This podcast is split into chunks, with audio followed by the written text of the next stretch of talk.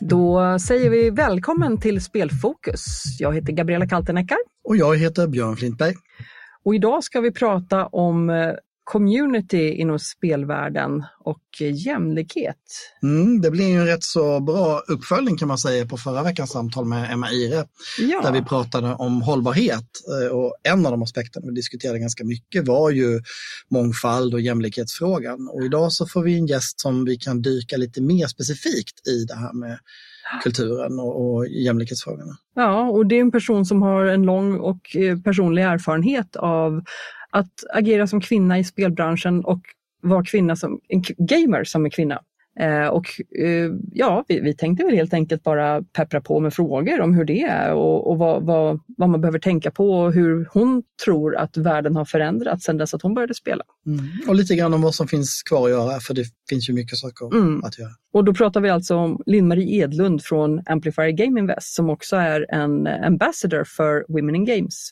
Just det, och har många strängar på sin lyra. Eh, också varit involverad i olika spelfestivaler och på olika sätt eh, engagerat sig i frågan kring hela kulturen i dess bredare liksom, kontext.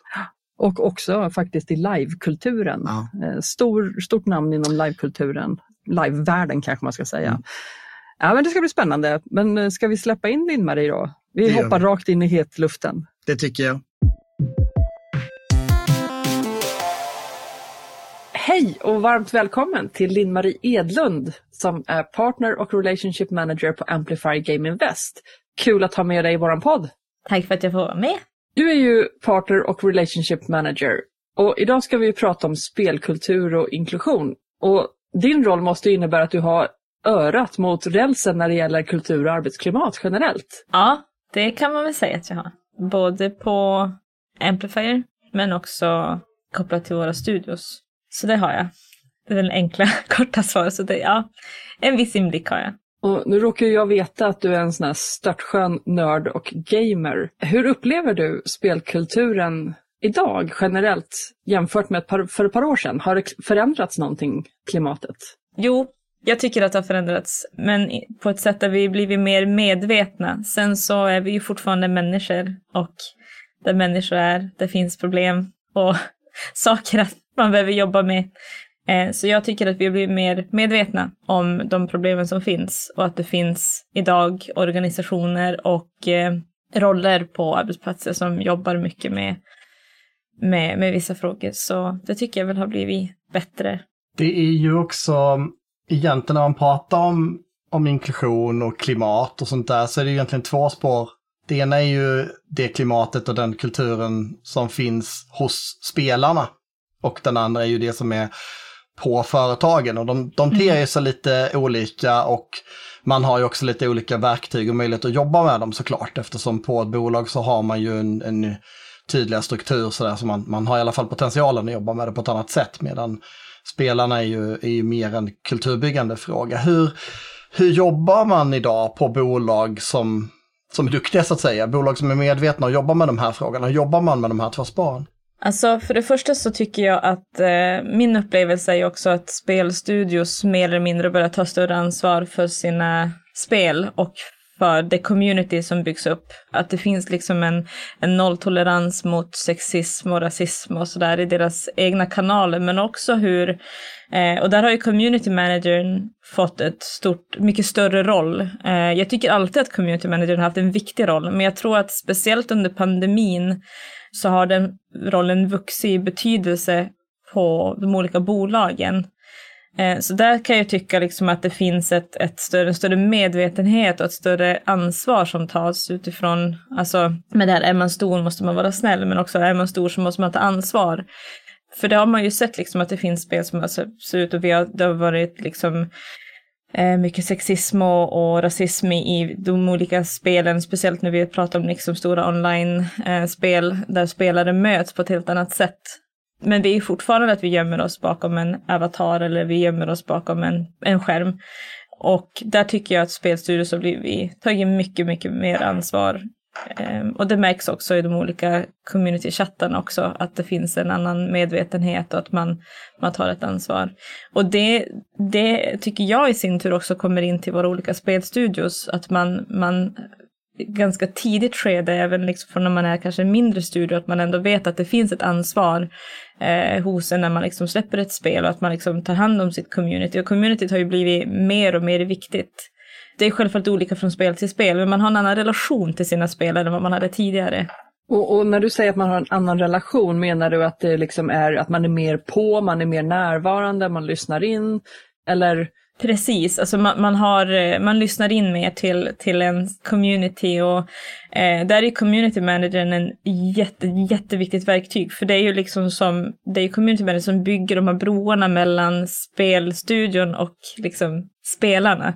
Så att det är det jag menar, liksom community managern har en väldigt stor roll och en viktig roll till att liksom behålla spelarna men också att kunna kommunicera och kunna det språket som de pratar och ha den liksom förmågan att möta dem på mitten och att liksom ta in information och, och men också liksom, för vi, vi märker ju att mer och mer spelare, spelare har ganska mycket makt idag.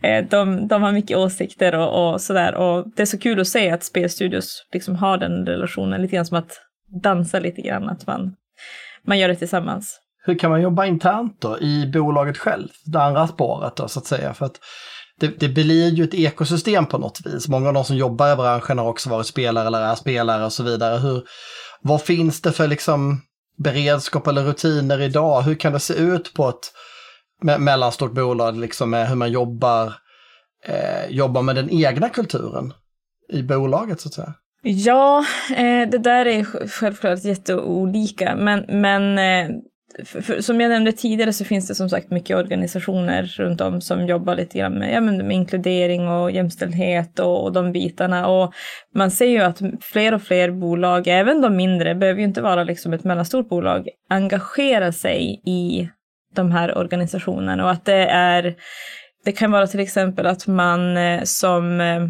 spelstudio eh, har ordet i, i, på engelska i huvudet, men att man, man liksom så nurture, att man liksom möjliggör för de här människorna att de kan delta på olika aktiviteter, att de får vara med, att man är med och utbildar varandra, att man liksom eh, ständigt påminner sig om att man måste jobba med de här frågorna. Det kan vara en del av värdegrunden till exempel för studion och att man verkligen jobbar med sina värdeord också.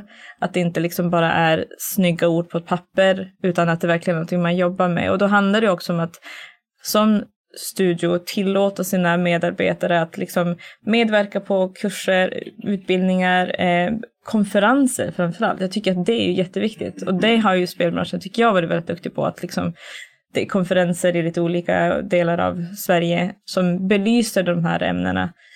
Och det tycker jag är jätteviktigt. Och sen att man som sagt möjliggör för sina anställda att kunna medverka på de här sakerna, för det är också utvecklande på personlig nivå. Och du är ju också Women in Games Ambassador. Yep. Vad innebär det? det innebär att man är, eh, jag ska säga fanbärare lite grann eh, för inkludering eh, och jämställdhet i spelbranschen. Och att man, alltså jag, det är så här, jag är alltid ambassadör för Women in Games. Så här, vart jag än är så, jag har ju alltid, man, alltså jag har ju alltid det vet ju Björn, men jag har alltid, och det vet ju du också Gabi, jag har många hattar. Men Women in Games, den sitter alltid på. Eh, det är ju för att jag också är en kvinna i spelbranschen. Women in Games är en organisation som finns över hela världen och eh, vem som helst kan ansöka om att bli ambassadör. Du behöver inte vara kvinna utan du kan vara man, icke-binär. Eh, liksom, du är välkommen in i den här organisationen, vem du än är.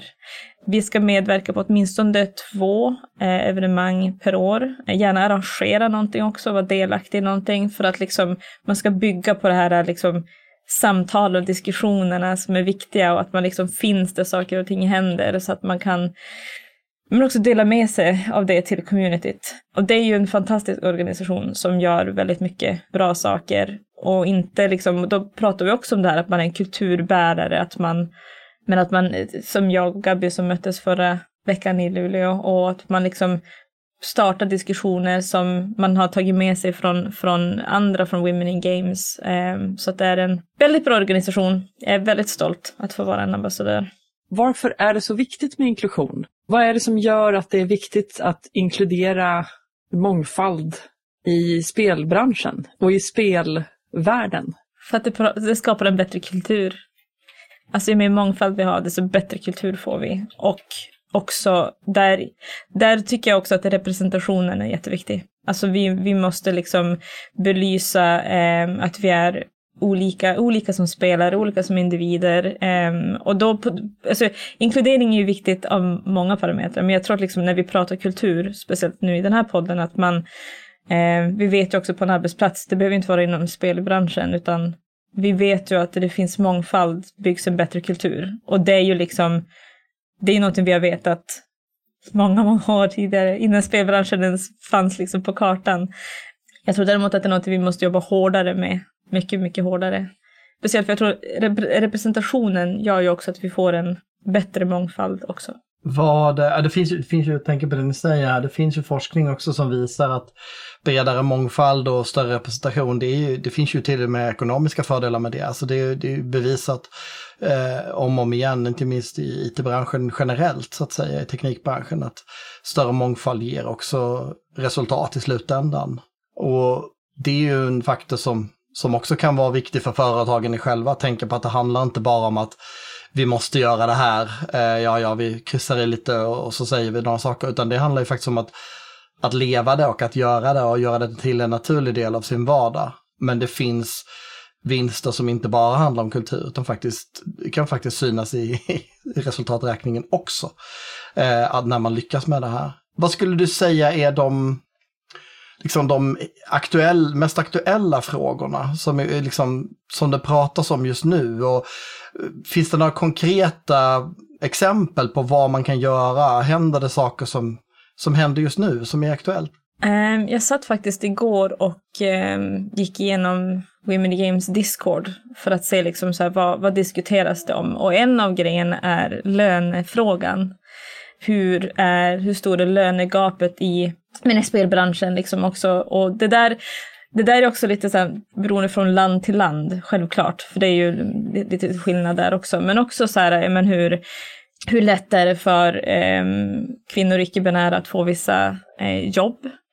Är det så att vi inte blir valda på grund av vårt kön? Och det är en fråga som har funnits väldigt länge, men jag tror att den belyses på ett lite annat sätt. För det är, liksom så att, det är också hur man ställer frågorna som gör att man kommer vidare.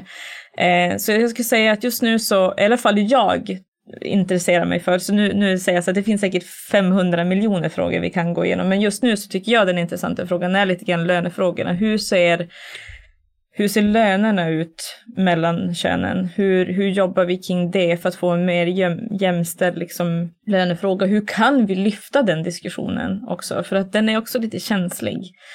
Och sen så Alltså jag, jag, tror som, som svar på din andra fråga, det är ganska svårt att svara på, för det finns ju så mycket som ni vet ju vart jag kommer ifrån. Jag jobbade som projektledare i Game Lab tidigare. Jag har jobbat med fem olika kommuner och man jobbar ganska brett.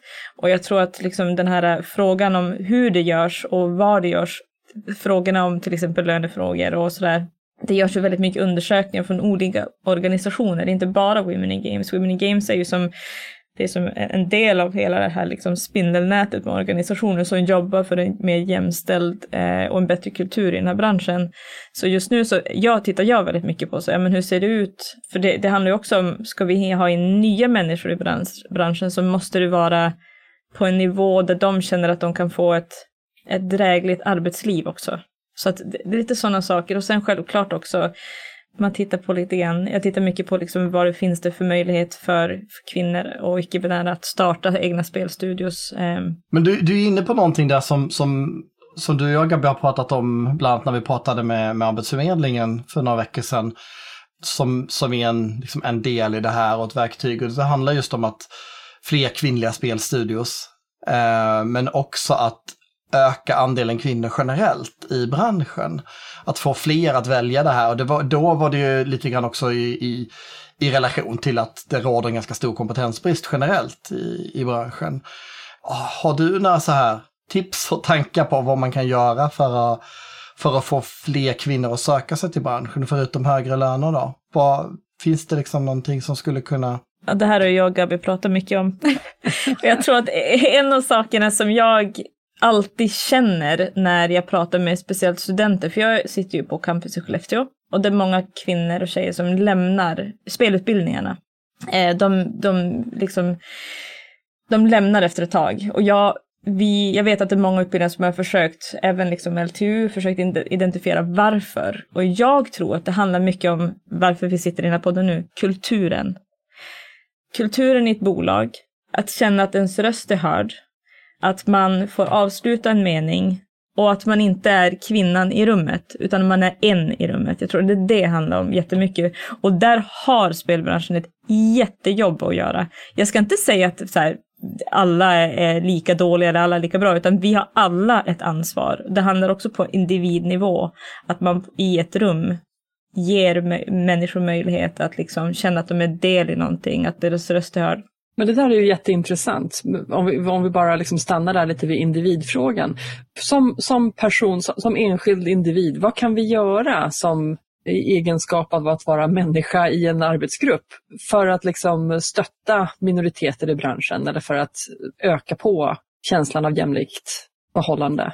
Ja, men jag tror att det, jag tror att det, det, det är så här, det känns så lite basic att säga det, men jag tror det handlar mycket om att lämna utrymme. Att man liksom får möjlighet att liksom prata, eh, eller inte prata, att man kanske liksom för alla människor är det olika. Och det här är en, en, sak som jag har tagit med mig från när jag jobbade som projektledare åt Nordsken.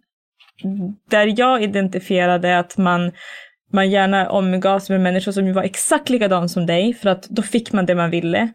Men man fick ingen mångfald. Man fick ingen liksom så här, det, det blev som en, Eh, man fick en massa ja-sägare runt sig. Med Nordsjö så jobbar vi med, med människor som har funktionsvariationer, som kommer från väldigt olika bakgrunder. Och så är ju spelbranschen, den ser ju ut så. Alltså Nordsken var en väldigt viktig lärdom för mig, där jag fick lära mig att så här, sätta mig ner och ta tid till människor.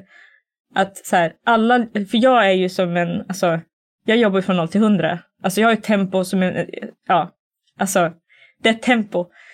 Och alla är inte så. Och jag har varit tvungen att lära mig att jag har, mina tankar, jag är 500 meter fram medan den här människan fortfarande är på ruta ett och då måste jag anpassa mig till individen bredvid mig. Och så är det ju på en arbetsplats också. Och, och för nytillkomna tittare, Nordsken, bara pausa där en sekund. Vad är Nordsken för någonting? En upplevelse. det går inte att förklara. det, det är en Nej, men det är oerhört en... ledande fråga. För, för jag råkar ju vara av den uppfattningen att Nordsken är den bästa nördmässan i Sverige och som går av stapeln i Skellefteå Precis. Eh, Åhlén. Vi, vi får se när det blir nästa gång. Och jag ska säga så att det är en av de bästa. Och det som gör att den är så bra, det är människor som bland annat Björn. Så jag ska säga att vi är väldigt många. Och jag, jag, jag är jätteglad att folk trivs med Nordsken, men Nordsken är människorna som gör den. Och jag har sett och hört många andra fina festivaler som har dykt upp senaste tiden som har fått väldigt bra betyg. Jag vill bara säga det. Nej, men jag tror att det, det är verkligen min största lärdom är att det är klart att vi vill se resultat, speciellt jag också då som jobbar för, en, ett investeringsbolag, att man vill se resultat och sådär. Men jag tror att de bästa resultaten, det går lite grann till det du sa tidigare Björn, att det finns liksom forskning som tidigare också på att när man ger alltså, människor möjlighet till att må bra på en arbetsplats, och det säger sig lite grann självt, men människor som lever i en hälsosam miljö, som gillar sitt jobb och det blir liksom en bra kultur, levererar ju mycket bättre också.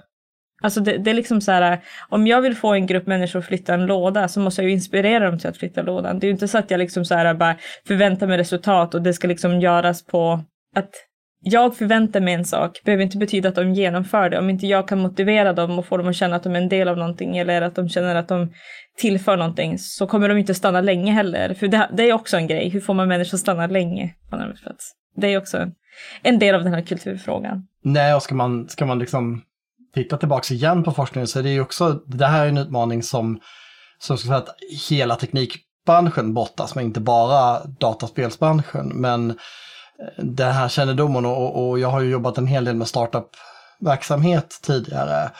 Och det är ju alltid en lättare väg. Det, det, brukar vara, det är två eller tre killar och så startar de någonting och så ska de rekrytera sin första person utanför. Oddsen är att det blir exakt samma ålderskategori, exakt samma kön, det blir blir precis så, för det är lättare. Alla känner sig hemma, alla känner sig trygga. Och det där håller ju tills man blir några stycken. Och då bör man behöva plocka in kompetens. Och så finns det liksom inte tillgängligt med någon som är exakt likadan. och, och vi, nu sitter vi ju tre ganska nördiga människor här eh, till vardags. Eh, och vi vet ju, och vi har ju lärt oss genom våra älskade spel eh, sen barndomen tänkte jag säga, att det är ju genom den här mångfalden, genom de här olika perspektiven man för in, som det uppstår kreativitet och innovation och spännande nya saker. Eh, när vi pratar med, med ja, till exempel med branschorganisationen Dataspelsbranschen eh, och vi pratar med Business Sweden och vi pratar med Vinnova, alltså det som man är känd för i Sverige, vi hade det uppe ganska nyligen, då pratar man ju mycket om att i Sverige så har man ju en kreativitet och, och, folk som vågar säga vad de tycker, folk som hittar på saker och alla är delaktiga på ett sätt som inte alls finns per automatik i andra kulturer. Utan där det kan vara mycket mer hierarkiskt. Du gör det här, du gör detta, flytta lådan, gräv diket, programmera det här. Och det blir jättebra för att kunna kopiera och producera. Men det finns en anledning till att Sverige år efter år efter år ligger i topp på innovation, kreativitet och så vidare. Och här tycker jag det är oerhört viktigt att spelbranschen inte slår sig till ro med att man råkar vara en framåtlutad bransch i ett framåtlutat land. Men att man fortsätter att pusha den här gränsen för att aktivt jobba med mångfaldsfrågorna. För att det är så mycket mer än bara en skön arbetskultur och att alla trivs.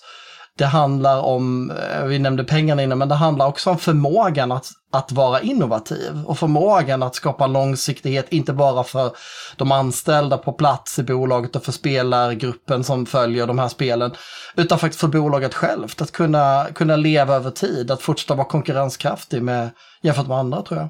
Precis. Det långsiktiga är jätteviktigt. Och du syftar till det begreppet som jag har lärt mig älska nu de senaste veckorna här, det nordiska guldet. Alltså det vill säga att i Norden är vi väldigt bra, vi har en hög tillit och ett högt förtroende mellan människor. Kanske i jämförelse med, med liksom mer hierarkiskt lagda kulturer. Eh, och det är ju någonting som, som eh, jag tror att alla vill ta tillvara på och förvalta. Och det har sagts många gånger i den här podden och, och på andra ställen i samarbeten att mångfald och inkludering är vägen framåt till det för mig tror jag att det handlar liksom om det här kamratskapet. Att man känner att man liksom hör till en grupp. Och det blir ju kanske naturligt ganska svårt när man har ett litet bolag där det kanske är tre, fyra kompisar som har startat tillsammans och så bör man plocka in människor utanifrån. Oavsett om det är män, män kvinnor eller av andra minoriteter. Så då har du en ny person som ska ta sig in i en grupp av tre, fyra kompisar. Det, det är ju som bäddat för lite utmaningar. Så att det är jättekul att höra, uppmuntrande att höra att det finns en medvetenhet om det här och att det finns eh, en plan, även om vi kanske inte har formulerat det perfekta receptet på plan ännu. Nej, det här var ju bra. Om någon har det får de dela med sig. Ja, eller hur. Nej, men jag, du var faktiskt inne på, på några grejer, men jag tänkte om vi zoomar in liksom i mikrokosmos på de här små, små bolagen som är ganska nya, om vi ska ge dem ett tips. Hoppas att några av dem lyssnar. Du, du nämnde det här med att försöka skapa en miljö där kvinnan inte känner sig som kvinnan i rummet. Eh, om vi nu tar jämställdhetsaspekten då. Eh, det, är ju, det är ju ett sätt, en sak man kan tänka på. Har du några fler sådana tips till små bolag som, som sitter där och lyssnar och tänker, ja men det här låter ju väldigt vettigt. Tänk, tittar och sig omkring i rummet och så ser de att det är tre eller fyra killar. Hur gör vi? Hur gör vi för att få en bra miljö? Jag tror att från början, eh, gå lite grann tillbaka till det här som, som vi pratade om tidigare, att vara långsiktigt, att tänka långsiktigt. För att det är ganska enkelt när man är i en spelstudio och gör sitt absolut första spel och vara väldigt fokuserad på det man är idag. Och det ska man absolut vara, självklart. Men jag tror att det är väldigt viktigt att tänka på, och det går lite grann tillbaks till att anställa folk som är precis som dig. Att man tror att det är en styrka att ha att, för det är lättare att jobba med någon som man förstår, absolut, självklart. Det är mycket lättare att säga, ja men du tycker om eh, Sagan om ringen, det gör jag också. Det gör att vi kan liksom, gemensamt nämna. Jag kan inte anställa en trekkie för den förstår jag inte. Alltså nu, nu förstår ni, nu, nu liksom, ja, jag försöker bara liksom på något sätt måla upp en bild här. Eh, en side note där är att en trekkie är ju alltid bäst att anställa. ja, det vet alla, men det kan Precis. vi väl alla vara överens om. Det behöver inte sägas, det bara alla vet. Nej men jag tror att liksom det här att man, man vågar anställa lite oliktänkande också, men, men liksom för det målet är ju absolut jätteviktigt. Att man pratar om det här är vår studio, det här är vår värdegrund, att man också jobbar med värdegrunden rätt tidigt. Vad, vad vill ni stå för? För jag tror att det är mycket, det hjälper dig också väldigt mycket att förstå när du anställer en människa, vilken människa är det du söker efter? Det kanske också gör det att det blir lättare att upptäcka de här jag gillar inte riktigt uttrycket, men röda flaggorna från början. Att man anställer rätt människa. Att man liksom, för det handlar ju också om, man brukar säga att det är en sak att människan ska vara rätt för dig, för bolaget, men bolaget ska också vara rätt för människan som du anställer. Ehm, och speciellt om du ska göra en, en anställning som kommer vara över lång tid. Ibland så i spelbranschen anställer man ju människor på kontrakt under en, en kortare tid, men om det här är en, en människa du vill jobba med länge, att man liksom tänker lite grann på det, på det långsiktiga. Vad, vad vill den här människan, vad kan den här människan tillföra? För det är också att ta hjälp vid, vid anställningar också. För det är ju en, en, en alltså felanställningar är ju också en, en, en stor risk till att man gör fel eh, i både produktionen men också att man tar in dålig kultur. Och då kan det vara bra att ta hjälp vid anställning för att anställa folk är inte enkelt. Det är speciellt också när man ska anställa någon man inte känner. Eh, så det kan vara bra att ta hjälp av kanske någon senior eh, som har gjort det tidigare. Att man kan liksom, kanske kan sitta med i en, en intervju och sådär. För då kanske den kan märka saker i tid. Eh, så att man slipper gå på de här fallgroparna. Och det kan också vara att man den här människan kanske som är med, eh, som är med senior och anställd tidigare kan säga att den här människan kommer inte tillföra någonting bra för din studio. Eller att det här är ingen bra matchning eller sådär. Så att jag, jag tror att våga ta lite hjälp är väl ett bra råd. Och att utgå från värdegrunden. Utgå från värdegrunden, precis. Att man, man, man håller fast vid den. Du, du säger några bra grejer här. Dels, att, dels det här med att utgå från värdegrunden, men också det här att man måste hålla den levande. Att det måste vara en pågående diskussion. Uh, att man avsätter tid för att prata om kultur och värdegrund. Och att det är en pågående del. När du säger det här med experter så tänker jag, och det är väl en fråga egentligen, för att, att jobba med värdegrund, det är inte heller enkelt och självklart.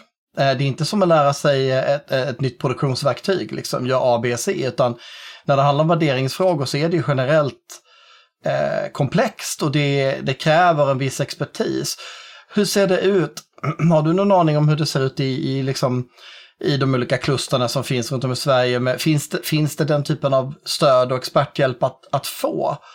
När det gäller just att jobba med värdegrundsarbete, så att säga. Folk man kan vända sig till för att ja, men vi ska jobba lite med vår värdegrund och vi ska försöka få en, en starkare och bättre kultur. Finns det någon man kan vända sig till eller, vore, eller är det någonting som saknas idag? Alltså jag tror att återigen så, jag har ju som varit närmast Women in Games som organisation och där finns det ju ett enormt nätverk. Eh, och det jag tycker är, jag vill slå ett slag för när det kommer till spelbranschen är just nätverket i spelbranschen. För det spelar ingen roll ifall jag går till någon som jobbar på ett annat bolag och ställer frågor om, ja men typ, hur har ni gjort? Så får man ändå hjälp. Alltså det finns en, en fin kamratskap mellan bolagen. Och där kan man ju också få stöd. Man kan ställa frågor. Ja, hur gjorde ni det här? Hur gick ni tillväga? Eh, jag tycker att dataspelsbranschen har också varit ett stort stöd. Eh, vi har ju också IGDA. Eh, så det finns lite organisationer som kan stötta en beroende på vilken stöttning man vill ha. Sen är det också en annan viktig grej, det är våra olika kluster. Eh, du nämnde tidigare innan den här intervjun började, Björn, om Skövde, alltså Arctic Game, vi har um, East Sweden Game, vi har My Great Journey. Alltså det finns ju väldigt mycket olika kluster där det finns enormt mycket kompetens och stöd att få. Eh, så finns det ju, säkert, jag har säkert glömt nämna några, jag ber om ursäkt för det, men det finns, det finns mycket olika kluster där du kan vända dig till i din stad eller i närliggande städer som kan hjälpa dig. Så det finns alltid ett enormt stort nätverk eh, som kan stötta dig. Och när det kommer till liksom inkluderingsfrågorna eller, eller, eller till värdegrundsfrågorna så eh, vi tog hjälp av en han är inte från spelbranschen, men han jobbar med företags liksom, värdegrunder. Det finns ju liksom företag som gör det. Eh, och det var till jättestor hjälp. Men värdegrunderna ska ju ändå komma utifrån vad du vill. Vad är det du står för? För om du inte står för det, då är det bara liksom eh, svart skrift på ett vitt papper och det kommer aldrig hjälpa dig. Utan det måste verkligen komma från dig för att då blir det äkta. Och det kommer också personalen som du anställer eller de du jobbar med märka. Och samarbetspartnersen också. Om vi höjer fokus lite grann och tittar liksom ur örnperspektivet. Finns det någon offentlig koppling att göra i det här? Vad, vad kan man göra från politiskt håll i inkluderings och spelkultursfrågan? Oj, eh, jag tror att det som är viktigt politiskt, det är också att, att politiker behöver förstå spelbranschen lite grann också och att det är knappt vi förstår det, men det är viktigt för dem att, att förstå vad, hur stor spelbranschen är eh, och vad, vilken, vilken vikt spelbranschen har och vart vi är i spelbranschen. För det finns som fortfarande, märkligt nog, 2022 en feluppfattning om spelbranschen och också om vi som jobbar där. Jag har ju haft turen att möta fantastiska politiker som bara liksom vurmat för, för branschen och, och stöttat oss. Men, men det behöver också på en lite högre nivå, att spelbranschen också behöver bli en del av den här kulturen som, alltså som, för vi bygger ju någonting väldigt bra i det här landet. Det är mycket så här prat om saker som behöver förbättras och det behöver det och det snacket får, det samtalet får aldrig ta slut. Vi måste fortsätta prata om de här frågorna jämt, ofta, för vi är ju aldrig färdiga. Men att rent politiskt så behöver det bli ett, ett större intresse för vad vi gör. Och det ser vi ju liksom på länder som Tyskland, där de verkligen har börjat fatta det, där det läggs in ganska mycket pengar från politisk nivå in till spelbranschen för att nära den näringen. Och det är det som behövs också.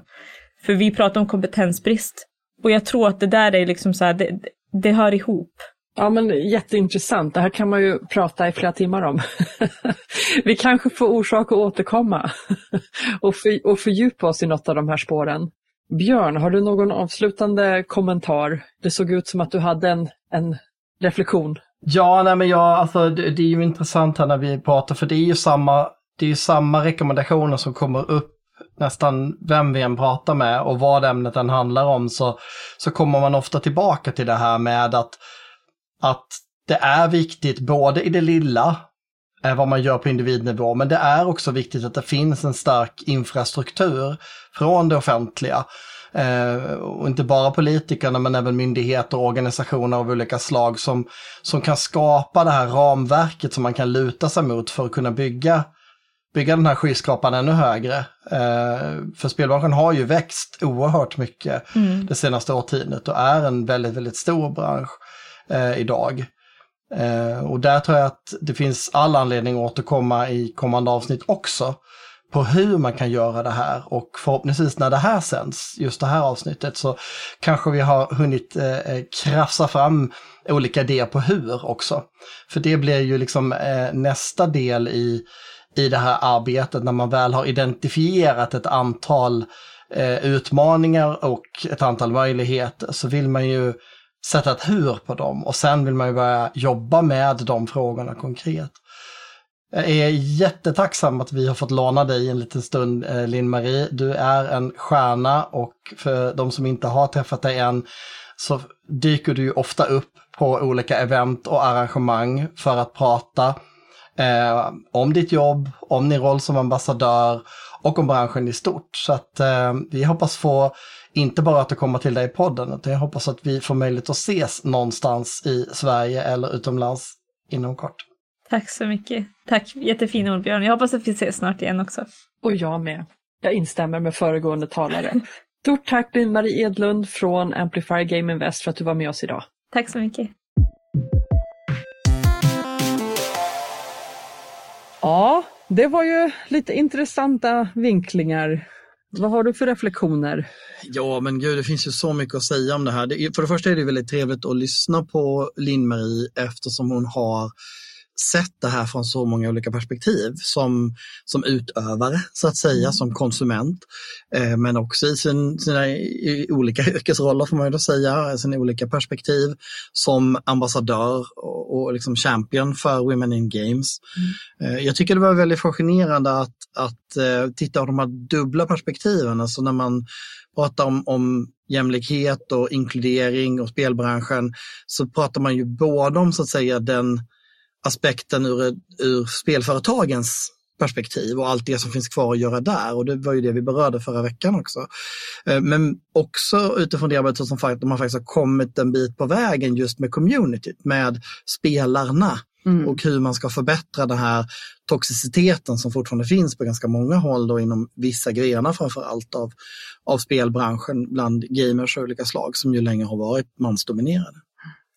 Och, och, en sak som jag tänkte på är ju det här med att få in fler kvinnor i spelbranschen. Inte bara som gamers utan även liksom kanske ta steget in i spelbranschen och liksom få en kanske mer diversifierad produkt. Jag har ju alltid tyckt att man missar 50% av marknaden mm. genom att ha väldigt, eh, ett snävt sätt kanske att se på produkten. Mm. Ehm, av förståeliga skäl naturligtvis, men, men jag är ju jättenyfiken på att se hur, hur branschen kommer att utvecklas i takt med att fler kvinnor plus kommer in i branschen. Mm. Och med plustecknet menar vi då alltså en större diversifiering, inte bara på kön utan även eh, inom andra kategorier. Mm. Nej, men så är det verkligen. Om man tittar på statistiken så, så är det ju så att, att bland de yngre spelarna så är det ju en, en, en ganska jämn balans fortfarande. Sen så någonstans runt, runt tonåren så, så droppar kvinnorna av till stor del. Och sen är det egentligen inte, om man tittar på spelsidan, förrän i medelåldern som kvinnorna kommer tillbaks då, eh, som, som spelare och konsumenter eh, på den sidan. Då. Men när det gäller själva branschen som du är inne på så, så är det ju även om utvecklingen går framåt och den går framåt Eh, snabbare på vissa platser där man har gjort väldigt riktade insatser eh, så är det fortfarande en ganska låg andel kvinnor i den här branschen. Eh, och där tror jag man kan titta på andra branscher som har liknande problem. För det här är ju dels ett dilemma som i vissa aspekter tror jag är unikt för spelbranschen eller som, som har sina speciella förutsättningar. Men samtidigt finns det ju ett underliggande utmaning. Spelbranschen är inte den enda teknikintensiva bransch där kvinnor är underrepresenterade. Utan det är ju samma med ingenjörer, i IT-branschen och så vidare. Så det finns ju någonting här som, som har adresserats i andra forum också. Jag tror att det, man måste jobba på flera fronter här. Alltså dels titta på vad man kan göra bättre i spelbranschen, i kulturen, i organisationerna. Men man behöver också jobba mot de här mer systemiska grejerna som handlar om eh, STEM, alltså Science, Technology, Engineering, Mathematics att få in fler kvinnor i hela den, så att säga, i hela det fältet. Och då, då pratar vi ju en, en rad yrken och en rad branscher naturligtvis. Men det är ju helt riktigt. Och, och, att, att det börjar liksom hos bolagen är kanske en del av det, men, men att man också då tittar på communities och hur, hur gamers kan lockas in eh, och hur, hur man bygger communities. Och det kommer vi prata om liksom framåt även med, med community managers och eh, ja, lyckade exempel och kanske sådana mm. som har lite mer utmaningar eh, mm. på den fronten. Jag tycker det skulle vara intressant också om vi kunde prata lite kring ledarskapet mm. och hur det ser ut i bolag där man har, kanske har eh, kvinnliga chefer. Vi pratar ju ofta om, när man pratar om nästa pratar man om att få in fler kvinnor i branschen, men det är fortfarande så att det är ju väldigt få bolag som är kvinnoledda så att säga, mm. ledningen är kvinnlig. Och det hade varit intressant att titta på, eller för all del andra, andra former av diversifiering också. Då. Mm. Men eh, det hade jag tyckt var en intressant faktor. Sen en sak till som jag reflekterade över när vi hade Linn-Marie här som gäst, det var ju att hur otroligt viktig roll hon och andra har som är ambassadörer. Mm. Det finns ju flera olika nätverk ska vi säga och Women in Games är ett av dem. Det finns, finns många som både lokala, nationella och internationella. Men hur viktiga de här ambassadörerna är för att skapa förändring. Och det, mm. det vet vi från projekt som har varit. Skövde har haft ett antal sådana projekt med mm. Donna-nätverket till exempel. Mm. Och det, det, det händer saker när man jobbar med de här frågorna men det går inte att bara vara passiv i dem och vänta på att det ska ordna upp sig själv utan det kräver ett aktivt arbete. Och jag tror inte heller att vi kan sätta vår tillit till den nya generationen. Jag tror att vi måste jobba på alla fronter brett. För att den nya generationen kommer inte att vilja ta sig in i spelbranschen om vi fortfarande inte har löst frågorna som har med toxicitet och, och utanförskap att göra. Nej, så är det ju. Jag menar, det, det är bara att titta på, det här är en fråga som inte bara handlar om, om vanlig human decency och, och liksom normalitet. Utan det här är också en fråga man, som man rent affärsmässigt kan titta på. Det är en brist på personal i den här branschen. Vill man adressera det så kan man ju då inte bara fortsätta ha 20-25 procent eh, kvinnor i branschen. Eh, det är ju en stor, eh, ett stort kompetenstapp mm. i sig. Då. Så att man, man måste titta på de här frågorna av flera olika skäl. Och du nämnde lite olika nätverk som finns där ute som vi, vi, har uppmärksammat i podden här och som finns på många platser. Men Donna-nätverket är ju ett av dem och där har vi ju ett förhoppningsvis samtal med Jenny Brusk som, mm. som driver det nätverket eh, som kommer upp i, i framtiden här.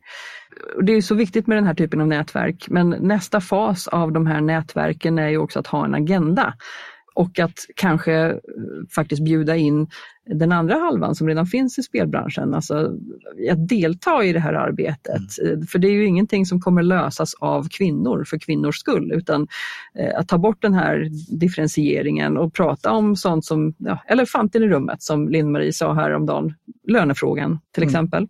Mm. Um, och ja, lika villkor för lika arbete. Mm. Lite Nej, någonstans. Det, är, det, är, det här är klassiska frågor som har ja. behandlats i över 100 år i Sverige just kring, eh, kring de här förhållandena. Men jag, jag, tänker också på att det räcker inte ens att stanna där, för jag tror att du var inne på det själv när du sa det att vi kan inte heller vänta på att nästa generation ska lösa det här. För problemet är, om du tittar på det ur ett, ur ett forskningsperspektiv, att har du strukturer som ser ut på ett visst sätt så hjälper det inte att du häller in nya människor Nej. om du inte också aktivt arbetar på att förändra de strukturerna. För det enda som händer är att de här människorna kommer att studsa mot hörnen, mm. de här snäva hörnen och sen kommer man att lämna branschen igen och så kan man möjligtvis se en förändring på väldigt, väldigt lång sikt.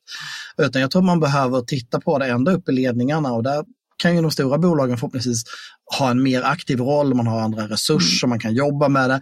Men jag skulle säga att det är också intressant att se små bolag. Jag skulle vilja se fler små och medelstora bolag som som poppar upp. Jag precis kan få möjlighet att intervjua några sådana bolag där man har tagit en väldigt aktiv roll mm. i att jobba med de här frågorna och hur man ser att det har påverkat. Vi vet från forskning, det är inte ens en debattfråga, vi vet från forskning att multidisciplinära team, att team med, med hög grad av jämlikhet, med bredd i mångfald och olika former av, av variationer är mer framgångsrika. Ja, det innebär att det är större komplexitet i att bygga en kultur naturligtvis. Homogena kulturer är lättare att, att, att, bygga upp till en viss nivå, men de får inte den bredden. Utan en större bredd på de som är med och skapar, det ger också bättre resultat. Det ger resultat på sista raden. Mm. Och här kanske man måste eh, inse som ledare att eh, man måste förändras som ledare. Man måste lämna utrymme för att utvecklas själv som ledare i sitt ledarskap. Mm. Eh, om man leder en organisation där det finns få kvinnor eller där kvinnor inte har en naturlig plats i ledningsgrupp eller i eh, ledarskapsroller skulle jag säga. Där kanske man bör ta sig en funderare och säga okej, okay, men bjud in då. Se naturligtvis på kompetens först. Men det, det, är ju, det är ju det annorlunda tänket man vill ha in mm. för att kunna skapa en bättre produkt, ett bättre företag, mm. ett bättre företagsklimat. Och då pratar vi alltså inte bara om kvinnor utan vi pratar om, vi pratar om människor med en annan kulturell bakgrund. Vi pratar inte bara om kvinnor. Vi, vi pratar om, om människor som inte ser och tänker som du, inte ser ut som du och inte tänker som du. Mm. Bjud in den förändringen. Mm. Eh, och Eh, välkomna den och ta den fighten helt enkelt. Mm. Och jag vet att man jobbar med de här frågorna även i en annan dimension eh, som är viktig på spelutbildningarna. Mm. Eh, och där tror jag att man skulle kunna göra ännu fler initiativ. Jag vet att det finns, finns eh, utbildningar där man har det här i ett väldigt starkt fokus för att få in fler kvinnor men också få dem att känna sig trygga under utbildningsperioden så att säga. Men även på den fronten, innan man så att säga ens har kommit in i branschen, så finns det ju stora möjligheter att vara en positiv kraft och, och påverka på ett positivt sätt om man har rätt eh, parametrar igång. Liksom. Mm. Ja, eh, en fråga som säkert kommer att tas upp igen här i podden och eh, vi kommer ju att eh, som nästa fokusområde ha lite ledarskapsfrågor. Där kommer vi också beröra det här med jämlikhet och mm. diversifiering. Mm. Så hoppas att ni har njutit av dagens avsnitt och har ni idéer, vill ni vara med i podden, tankar, funderingar, hör av er till oss. Vi finns där poddar finns och våra kontaktuppgifter finns på ri.se, RISE hemsida alltså. Mm, så är det. Bland annat. Vi är lätta att hitta. Vi har ovanliga efternamn, det hjälper till. Nej men så är det. Och det ska bli jättespännande också när vi lite längre fram får möjlighet att, att lyssna till individer som jobbar i branschen och, mm. och pick their brains om vad de ser på, på de här och andra frågor. Verkligen. Då tackar vi för oss idag. Det gör vi. Önskar välkomna tillbaka nästa vecka. Ha det bra. Ha det gott.